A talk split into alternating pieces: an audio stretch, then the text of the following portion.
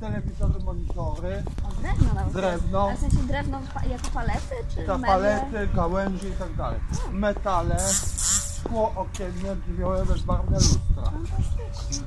Y, Także, ki- ale kiedyś było, że lustra było oddzielnie, rozumie pani. Widzi pani, tutaj są, są meble. No i co potem z tym wszystkim się dzieje? Nie wiem, Mam takie hobby, że od czasu do czasu lubię odwiedzić przok. Oczywiście najczęściej ten, który mam w pobliżu miejsca zamieszkania, ale jak wyjeżdżam gdzieś dalej służbowo, to zaglądam również do przoków w innych miejscowościach. Moje wizyty stały się częste, zwłaszcza wtedy, kiedy zbierałam materiały do swojej książki Nie śmieci. I ten krótki fragment, który przed chwilą usłyszeliście, pochodzi właśnie z jednego z wywiadów do tej książki. O przokach mówię bardzo często. Odsyłam tam czytelników, jeśli mają jakieś kłopotliwe odpady. Krytykuję za nieudolną organizację. No i wciąż daje się zaskakiwać coraz to nowym i z punktu widzenia mieszkańców utrudniającym życie zasadom działalności przoków. Ale z drugiej strony, bardzo często, gdy mówię o przokach, spotykam się z pytaniem: Ty, no ale co to są te przoki? Mam nadzieję, że ten odcinek podcastu wszystko Wam dobrze wyjaśni. Cześć, z tej strony Julia Wizowska. Dla znajomych, babka od śmieci. Zapraszam Cię do odsłuchania mojego podcastu Co w tym koszu?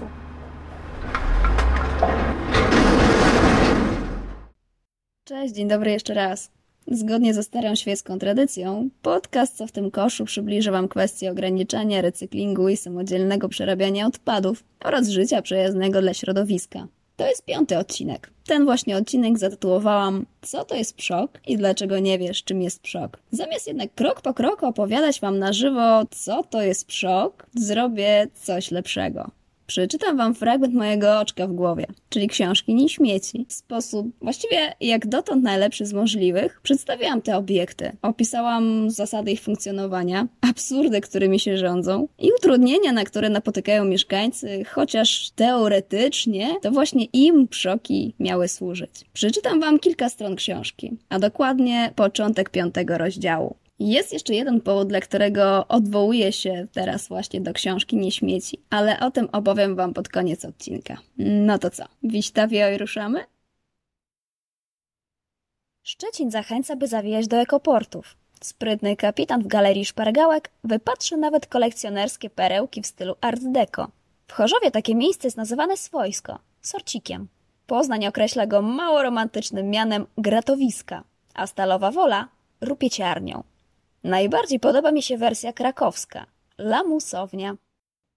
W ogrodzie dworskim, na uboczu, w chmielach, stał odwieczny dziwaczny budynek. Spód miał z bali sosnowych, grubych, żywicznych, przeciętnych maluchnymi, okratowanymi okienkami, mocno podobnymi do strzelnic. Drzwi były dębowe, opatrzone zamkiem i ryglami i sztabą zasunięte.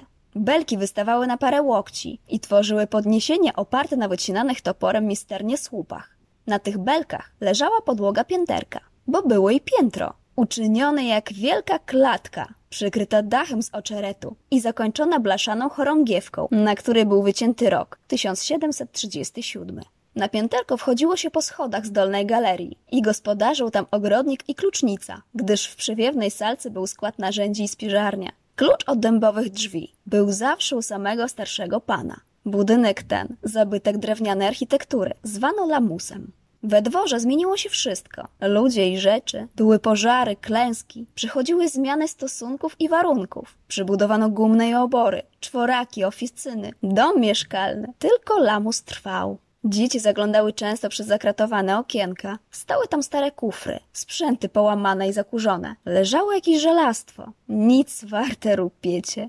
Wiosną w kwietniu chłopak wałęsając się po sadzie zobaczył drzwi lamusa otwarte i zajrzawszy tam zastał dziada siedzącego nad skrzynią, z której dobywał stare rusznice. To dziadunio ma całe muzeum starej broni, rzekł zaciekawiony. Jak umrę, to tu nikt się nie zorientuje, a tu i cenne rzeczy są. Ot, te dwie szable. Sprzedałem je, wziąłem tysiąc rubli. Unikaty. Są u nas od Barskiej Konfederacji. Dobrze były schowane, tyle lat w ziemi leżały. Plamki rdzy mają, a może i krwi. Skąd dziadunio wie, że one z Barskiej Konfederacji? Zapisane jest, tam w tym kufrze, w papierach. Odłożył szable na bok i jął ze skrzyni wydobywać strzelby i wycierać się z zimowej pleśni. Słońce biło całą pełnią do tej izby mrocznej i starzec każdą sztukę broni pieścił, polerował, cieszył się tym widokiem. Zaciekawiony chłopak obok niego usiadł, przyglądał się. Tak pisała w opowiadaniu Lamus, Maria Rodziewiczówna. Tytułowy budynek dawniej wchodził w skład dworskich zabudowań i był przeznaczony do przechowywania cennych dokumentów i zbroi. Gdy lamusy zaczęli stawiać chłopi, trzymali w nich sprzęt gospodarczy, narzędzia do pracy w polu, zboże i zapasy żywności. Później przeznaczenie budynku się zmieniło. Znoszono doń stare rupiecie, stół z powyłamywanymi nogami, kredens o zbitej szybie i zrywanych zawiasach, obtłuczone naczynia gliniane. Mówiło się odeszły do lamusa, czyli wyszły z użytku. Dziś lamusy istnieją w każdej gminie albo związku gmin. Poza nielicznymi wyjątkami nazywają się tak, jak ustawa przewiduje punktami selektywnej zbiórki odpadów komunalnych. W skrócie PSZOK. Pojawiły się na mocy przepisów z 2013 roku, kiedy to samorządy zostały zobligowane do zorganizowania na swoim terenie co najmniej jednego takiego punktu, który przyjmowałby od mieszkańców odpady problematyczne. Jakie? Takie, co ze względu na swój rozmiar albo rodzaj nie mogą lub nie powinny trafiać do zwykłego kosza na śmieci. Bezużyteczne rupiecie, ale i odpady niebezpieczne. Przeterminowane leki i chemikalia, zużyte baterie i akumulatory, zużyty sprzęt elektryczny i elektroniczny, meble i inne odpady wielkogabarytowe, zużyte opony, odpady zielone i odpady budowlane i rozbiórkowe, stanowiące odpady komunalne. Wylicza ustawa o utrzymaniu porządku i czystości w gminach. Plus odpady zbierane na danym terenie selektywnie, jak papier, szkło, plastik, metale, bio i opakowanie wielomateriałowe. Oczywiście nikt gminom nie broni poszerzyć tej listy na własną rękę. Nierzadko jednak jest przeciwnie. Mieszkańcy uskarżają się na trudności z oddawaniem do przoków niektórych rzeczy. Postanowiłam przyjrzeć się temu, a przy okazji sprawdzić, jak w Polsce miewa się drugie życie odpadów problematycznych. Zapraszamy do nas, nie do lasu, krzyknął odsuwając bramę. Wybiła czternasta. Pora otworzyć podwoje. Na wjazd czekały już dwa samochody i ja, z tobołkiem zbieranych od roku przedmiotów. W Warszawie działały dwa punkty selektywnej zbiórki. Jeden w odległości 40 minut jazdy komunikacją miejską od mojego domu. Drugi prawie godzinę w jedną stronę. Nie opłacało mi się z pojedynczymi rzeczami drałować przez pół miasta. Czekałam więc, aż odkładane baterie, przypalone świetlówki i uszkodzone ładowarki przykryją chociaż dno torby. Dorzuciłam jeszcze młynek do kawy, który dzielnie stawiał czoła ziarnom, ale poległ w starciu z nasionami słonecznika. Parę kartridży z domowej drukarki, trochę makulatury z kosza, aby bardziej uzasadnić wyprawę. I pojechałam. Tuż za bramą na mieszkańców czekała waga samochodowa. Kto dotarł do przoku autem, musiał najpierw zatrzymać się na metalowych płytach i spisać wynik. Chyba, że na pierwszy rzut oka widać było, że pojazd waży mniej niż 3,5 tony. Do punktów mieszkańcy mogli zwozić rupiecie samochodami osobowymi lub dostawczymi. Ciężarówki natomiast rodziły podejrzenia. Mogły z nich korzystać firmy, które odpłatnie czyściły piwnice ze starych mebli lub odbierały gruz po remoncie, a po wszystkim bezpłatnie pozbywały się problemów w gminnym przoku. Dlatego istniał zakaz oddawania do punktu odpadów pochodzących z działalności. Ciężarówki więc miały wstęp wzbroniony. Przok był dużym placem z rzędami podpisanych kontenerów. Tu mamy części samochodowe i opony, tutaj telewizory i monitory, sprzęty elektryczne i elektroniczne. Rozumie pani? Tamte dwa auta rozładowały się i odjechały. Nikt nowy nie zajrzał. Sama wałęsałam się pomiędzy kontenerami, więc on, pracownik punktu, zgłosił się na ochotnika do oprowadzenia. Ja byłam ciekawska, on nie miał nic lepszego do roboty. W tym kontenerze drewno, czyli gałęzie i palety, a tu drewno niebezpieczne, w sensie nasączone różnymi środkami. Makulatura, metale. Przychodziliśmy tak od kontenera do kontenera. W jednym z nich dno przykryły zbite szyby. Tu mamy szkło okienne i lustra. Kiedyś lustra były osobno, teraz lecą do tego samego. Tylko opakowaniowe trafia do innego miejsca. Bo wie pani, że do tego osiedlowego dzwona to ze szkłem, no to nie wolno wrzucać szyb i luster. Nawet stłuczonych kubków nie wolno. I szklanek. To i to szkło, ale inne, rozumie pani? Pokiwałam głową w milczeniu i spojrzałam na kilka smutnych, połamanych taboretów obok. A, no bo tu mamy odpady wielkogabarytowe, czyli meble, a zaraz dalej materace, wyjaśnił. Cztery sztuki oparły się o brzeg kontenera. Mokły w kałuży. Były akurat roztopy. Co dalej będzie się działo z tymi odpadami? Nie wiem, na razie stoją, odpowiedział rozbrajająco. Miasto ma kilka miesięcy na wyłonienie oferenta. Kiedyś Przokim zarządzała taka firma. Potem przetarg wygrała inna. I przenieśliśmy się do nowego miejsca, na drugą stronę ulicy. Ale my jesteśmy pracownikami miasta i nas głównie obchodzi to, żeby przyjąć rzeczy od mieszkańców albo pokierować ich do rozładunku przy odpowiednim kontenerze. Ruch jest głównie w sobotę. Ostatnio kobieta przywiozła 4 tony gruzu poremontowego. Chyba najwięcej, ile do tej pory widziałem. Co ludzie przywożą zwykle do przoku? Przede wszystkim gruz i gabaryty. Nowelizacja ustawy śmieciowej z 2013 roku zobowiązała gminy, samodzielnie, wspólnie z inną gminą lub gminami, do zorganizowania na swoim terenie co najmniej jednego stacjonarnego przoku. Pięć lat później, w 2018 roku, w Polsce działały 1752 punkty. Można je więc było znaleźć w zaledwie 70% gmin. Jeśli przyjrzymy się bliżej statystykom, dowiemy się, że do przoków mieszkańcy przewozili przede wszystkim biodegradowalne odpady zielone oraz gabaryty, meble, ale też przedmioty, które ze względu na spory rozmiar nie zmieściły się w osiedlowym koszu. Materace, rowery, wózki dziecięce. Ale największym potokiem zmierzały do punktów odpady budowlane i poremontowe. W miastach stanowiły one nawet 3 czwarte całego dobra trafiającego do przoków. W znakomitym reportażu Beaty Homontowskiej Betonia dom dla każdego jest piękna scena, jak po wyburzeniu starych bloków dawnej Niemieckiej Republice Demokratycznej betonowe płyty otrzymały drugie życie. Wykorzystał je architekt-wizjoner, który był świadom wartości surowca. Są niczym wino. Im starsze, tym lepsze, a na pewno mocniejsze, tak mawiał. Ze zdekompletowanych ścian czyjegoś mieszkania, wciąż ozdobionych tapetami, złożył pod Berlinem dwupiętrową willę, stylem nawiązującą do prac znanych modernistów. Budynek był nie tylko piękny, ale i ekologiczny. Nowi lokatorzy dzięki właściwościom płyt z wysokościowca płacili o 30% niższe rachunki za ogrzewanie niż ich sąsiedzi z domów z cegieł. Reszta skorupek po blokowisku trafiła do recyklingu. Beton z wyburzanych konstrukcji zasługuje na drugie życie, zapewniają naukowcy z Politechniki Białostockiej. To przecież mieszanka cementu i kruszywa. Produkcja tego pierwszego emituje spore ilości dwutlenku węgla, a o niedoborach kruszywa mówi się przy okazji każdego boomu budowlanego. Obecnie 2% kruszyw potrzebnych do stawiania domów mieszkalnych, mostów i dróg pochodzi z obszarów morskich, 5% z recyklingu, 2% stanowią kruszywa sztuczne, ale aż 91% naturalne. W tym piasek, którego na świecie jest jak na lekarstwo. Przekonują się o tym kraje, które gwałtownie rozwijają się wszerz i wzwyż. Weźmy na przykład Singapur. Od uzyskania niepodległości w 1965 roku powiększył on swoje terytorium o jedną piątą. Głównie poprzez wydłużanie linii brzugowej usypanym piaskiem. Indonezja, od której Singapur kupował niezliczone ilości tego surowca, przypłaciła eksport zniknięciem z mapy kilkunastu piaszczystych wysp. Albo Chiny. Tylko między 2011 a 2013 rokiem zużyły więcej betonu niż Stany Zjednoczone w całym XX wieku a Zjednoczone Emiraty Arabskie, do wybudowania przeszklonego drapacza chmur Burj Khalifa użyto 110 tysięcy ton piasku. Co ciekawe, leżący przy jednej z największych pustyń świata kraj musi importować surowiec aż z Australii, bo lokalne duny nie nadają się do konstrukcji.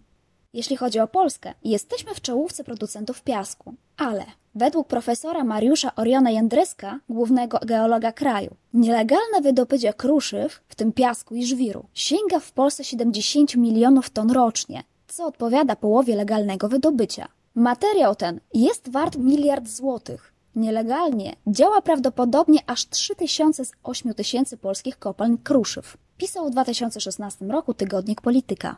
Tańsze i bardziej przyjazne dla środowiska jest ponowne wykorzystanie gruzu. Jednak recykling materiałów porozbiórkowych nadal nie jest powszechny. Mimo to w Polsce są firmy, które się tym zajmują. Najpierw specjalne maszyny przesiewają gruz, oddzielając od niego plastik, metal, drewno. Wolny od zanieczyszczeń materiał trafia do następnej maszyny i jest rozdrabniany na kruszywo. Po zakończeniu procesu zaledwie 10% odpadów nie jest zdatne do ponownego wykorzystania. Chwali się wrocławska Skiptrans, firma zajmująca się recyklingiem gruzu. Odzyskane kruszywo budowlane wykorzystuje się do podbudowy dróg i chodników, do budowy parkingów i jako składnik mieszanek do asfaltu i betonu oraz wypełniacz przy budowie fundamentów. Uwaga! Jeśli budujemy dom albo remontujemy mieszkanie, gruz możemy przekazywać bezpośrednio do takich firm. Należy wówczas zamówić odpowiedniej wielkości kontener, zwykle od 2 do 7 metrów sześciennych, albo mniejszy pojemnik, tak zwany big bag, idealny do drobnych prac odświeżających. W umówionym terminie i miejscu firma podstawia kontener, a po kilku dniach, czasem po tygodniu, odbiera. Warto jednak uważnie czytać oferty. Jest w nich zapisane, czego nie możemy wyrzucać razem z gruzem. Są to choćby zużyty elektrosprzęt i odpady komunalne z domu, a czasem również ceramika łazienkowa i armatura, a także meble czy papa z dachu. Firma, której powierzymy gruz, musi być zaufana i sprawdzona. Może to być na przykład duży operator odbierający odpady w naszej okolicy. Zbyt niska cena usług powinna wzbudzić czujność i wyświetlić przed oczami smutny obrazek, na którym fundamenty naszego mieszkania trafiają nie do recyklingu, tylko dołu w pobliskim lesie. Osobiście zawsze proszę firmę o wystawienie rachunku. Na wypadek, gdyby moje odpady miały w cudowny sposób wyparować, w księgowości pozostanie po nich ślad. I tak, odbiór gruzu przez prywatne firmy jest płatny. Koszt zależy od miejscowości, wielkości kontenera i rodzaju odpadów. Zazwyczaj trzeba się liczyć z kwotą kilkuset złotych. W ogólnym kosztorysie remontu mieszkania nie jest to może znacząca pozycja, ale jeśli chcemy się pozbyć gruzu za darmo, możemy sami zawieźć go do przoku. Materiałów pobudowlanych nie można zostawiać na osiedlowym śmietniku, więc jedyną legalną i nieodpłatną możliwością pozbycia się cegieł, cynku i ceramiki łazienkowej jest przekazanie ich do punktu, który zależnie od możliwości użyje gruzu do rekultywacji terenów, budowy wałów przeciwpowodziowych i utwardzania dróg, albo przekaże na składowisko. Ale gdy już dotrzemy ze swoimi skorupkami do najbliższego przoku, niewykluczone, że u bram będzie na nas czekała przykra niespodzianka. Oddawanie do przoku jest świetną opcją, tylko ostatnio odmówili mi odebrania moich śmieci, bo przywiozą je samochodem mojego taty, który ma firmę remontową. Uznano więc, że to są śmieci firmy. Tylko pytanie, jak mam je inaczej zawieźć? Na własnych plecach czy na rowerze? Przecież to jasne, że najłatwiej dużym samochodem, a takie samochody to zazwyczaj samochody firmowe. Jakiś paragraf 22. Skomentowała Ruda mój blogowy artykuł o pozbywaniu się problematycznych odpadów. Parę komentarzy niżej pytania zadała Ewa. A wiesz może, co zrobić ze steropianem połączonym z papą? Sąsiadowi zwiało ocieplenie z dachu podczas wichury. W przoku powiedzieli, że owszem przyjmą styropian i papę, ale osobno, a razem to już nie. I co teraz? Przepisy, które zobowiązały gminy do zorganizowania na swoim terenie punktów, pozostawiły im jednocześnie wybór. Mogły prowadzić przoki same, albo powierzyć to firmie wyłonionej w przetargu. Jeśli wybrały drugą opcję, płaciły zewnętrznemu podmiotowi stałą kwotę. W mniejszych miastach to około 75 tysięcy złotych rocznie, w większych niespełna 100 tysięcy. Tyle, że koszty prowadzenia przoków zwykle były wyższe. Gminy i operatorzy punktów podawali, że w miejscowościach od 15 do 50 tysięcy mieszkańców wartość sięgała 155 tysięcy złotych, a w miastach powyżej 50 tysięcy dusz nawet do 2 milionów złotych rocznie. Większą część tych kwot pochłaniały wydatki związane z zagospodarowaniem odpadów. I tu pojawiał się problem. Bo jeśli firma za swoje usługi rozliczała się ryczałtem, i to nie pokrywającym jej potrzeb, nie miała interesu w zachęcaniu mieszkańców do przynoszenia odpadów. To przecież spotęgowałoby koszty i obniżyło opłacalność. Nie pomagał też ustawodawca, który, choć wyliczył, jakie odpady na pewno muszą być przyjęte przez PSZO, na liście bynajmniej nie uwzględnił wszystkich niebezpiecznych i problematycznych rzeczy, których pozbywamy się z domów. Poszczególne punkty tworzyły więc regulaminy na własną rękę. Decydowały. To, drodzy mieszkańcy, możecie przywozić, a na tamto macie ban. Szczecinianin nie zawinie do ekoportu z szybami okiennymi i drzwiowymi. Nie odda też luster. Mieszkaniec Wejherowa nie przekaże do przoku wełny mineralnej po ociepleniu domu, smoły ani lepiku. A Lublinian nawet opakowań po farbach i lakierach. Nie zawiezie ich też do sąsiedniej gminy, która być może przyjmuje takie odpady, ale wyłącznie od swoich mieszkańców. Na tę okazję punkty mają w regulaminach zapis o wylegitymowaniu się interesanta dowodem osobistym albo książeczką opłat za wywóz śmieci. Rozmawiałem ze znajomym, który robił remont w mieszkaniu i miał do oddania gruz i płytę gipsowo-kartonową. Gruz mu przyjęli, a z płytą kazali wracać do domu.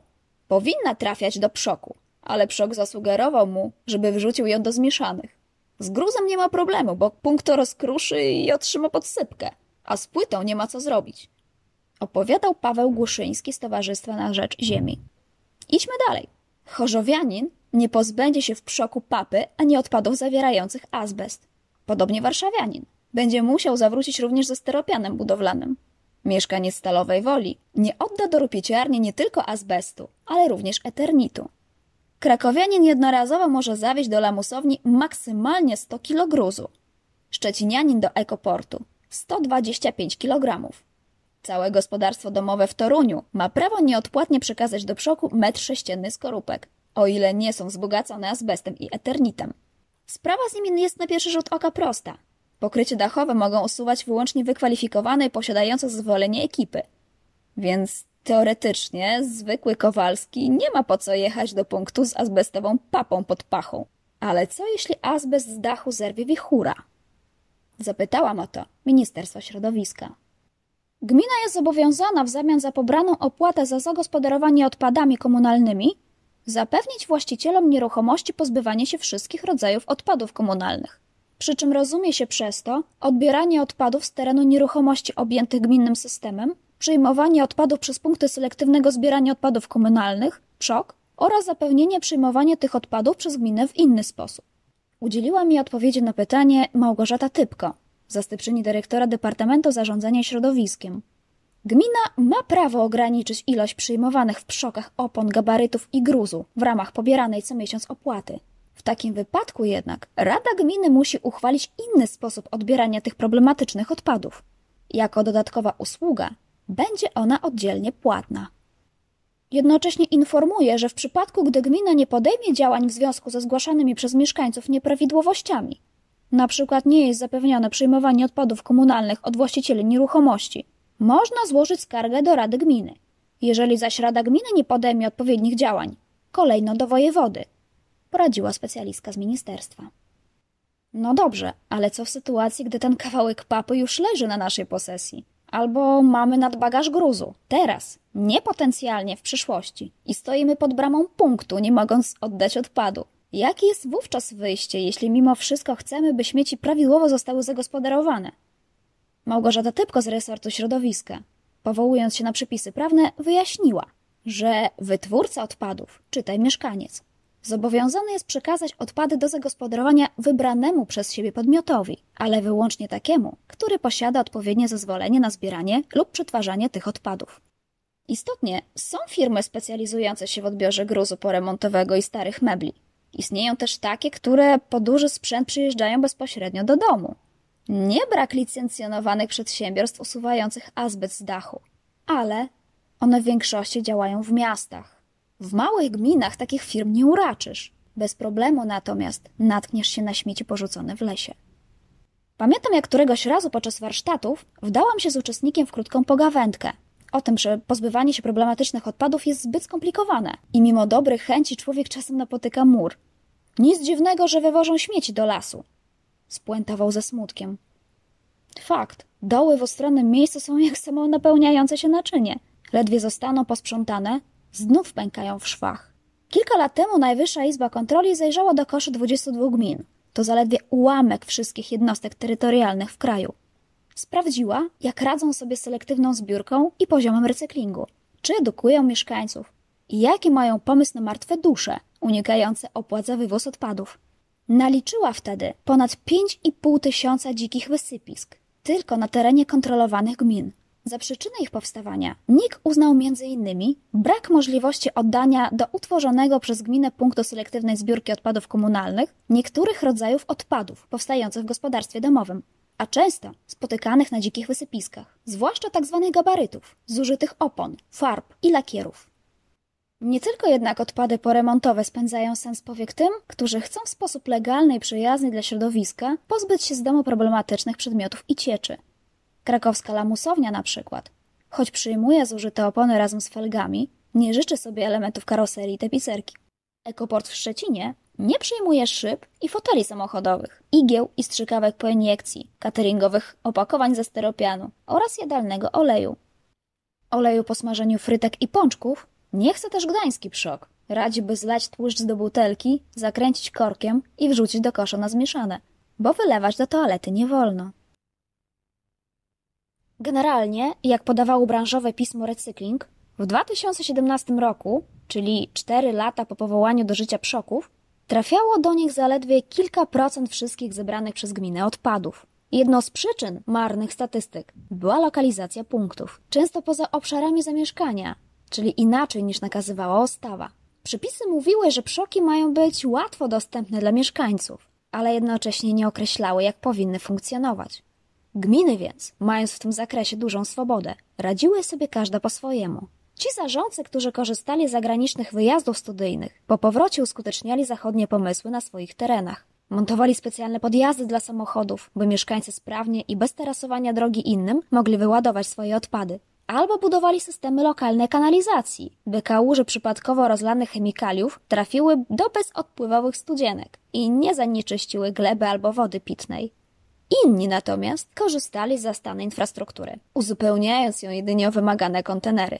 A że istniejące zakłady przetwarzania odpadów znajdują się zwykle na uboczu, dla mieszkańców korzystanie z takich przoków oznaczało pokonywanie znacznych odległości. Zamiast więc poświęcać mnóstwo czasu i środków na dojazd, woleli, mimo że to karygodne, a często też nielegalne, cisnąć problematyczne odpady do altanki śmietnikowej. Dlatego Bielsko-Biała była wyjątkowym przypadkiem w skali kraju. W 2016 roku do tamtejszych punktów trafiło ponad 17% wszystkich odebranych w mieście odpadów. To dużo, jeśli miasto porównamy z nieco mniejszymi Tychami 4%, trochę większym Sosnowcem prawie 6%, czy sporo większym Wrocławiem 0,5%.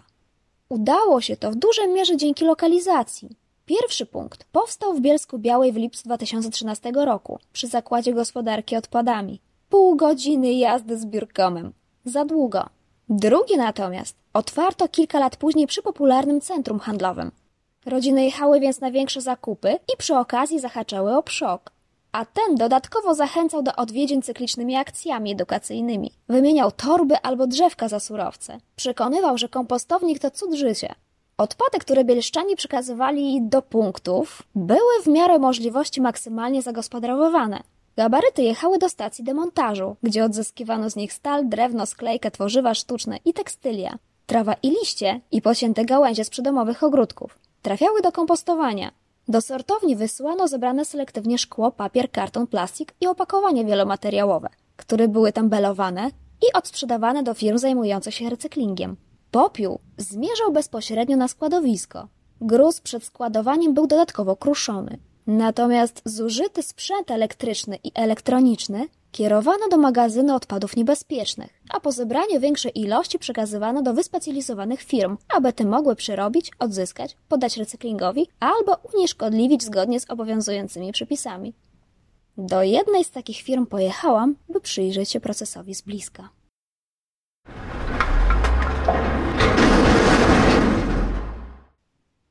To był fragment mojej książki Nie śmieci. Dokładnie początek piątego rozdziału. Mam nadzieję, że dzięki niemu trochę lepiej poznaliście punkty selektywnej zbiórki odpadów komunalnych.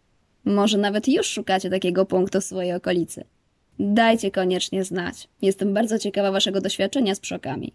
Podzielić się ze mną możecie na moich kanałach, to znaczy na stronie nanowośmieci.pl, gdzie jak zwykle opublikuję transkrypcję tego nagrania, ale też na Facebooku i na Instagramie, gdzie działam pod nazwą Na Nowo Śmieci. No i przyszedł czas, żeby uchylić rąbka tajemnicy. Postanowiłam w tym odcinku nagrać fragment swojej książki, dlatego że... Dlatego, że właśnie odpaliłam przedsprzedaż drugiego wydania Nieśmieci. Pierwszy nakład, który miał swoją premierę w grudniu zeszłego roku, wyczerpał się na początku wakacji.